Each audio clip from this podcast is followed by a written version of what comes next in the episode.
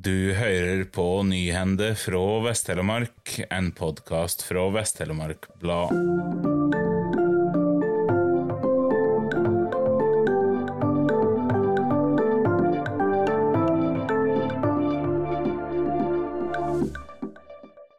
Svein Tore Løksli fra Hjartdal blir ny fylkesordfører i Telemark, melder avisa Thea.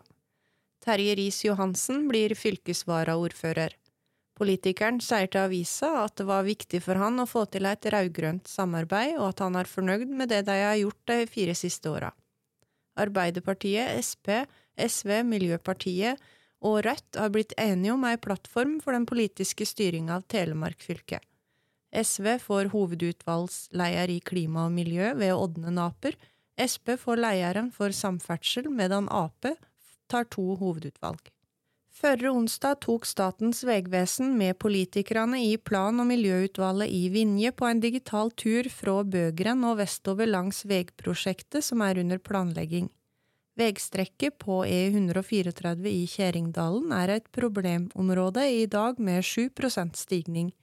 I forslaget som PMU fikk se, er den nye veien lagt i ei sløyfe på utsida som bare har 4% stigning. Vegvesenet har overtatt hele planprosessen for strekninga Bøgren–Sernsgren, og PMU-politikerne i Vinje får saka tilbake når det er klart for andre gangs handsaming.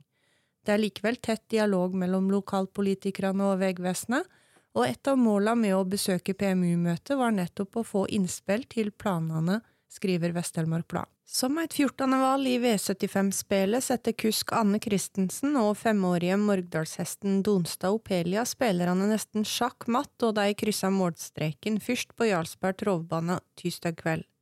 Den rødbrune hoppa fra Morgdal tok dermed karrierens aller første siger i sin tolvte start. Donstad Opelia og Christensen tok det rolig fra start, men etter 1000 kjøredometer setter ekvipasjen fart og plasserte seg i andre utvendig. Ut av siste sving blei Morgdalshesten styrt ut i angrep, og etter et veldig sterkt oppløp var hesten først i mål.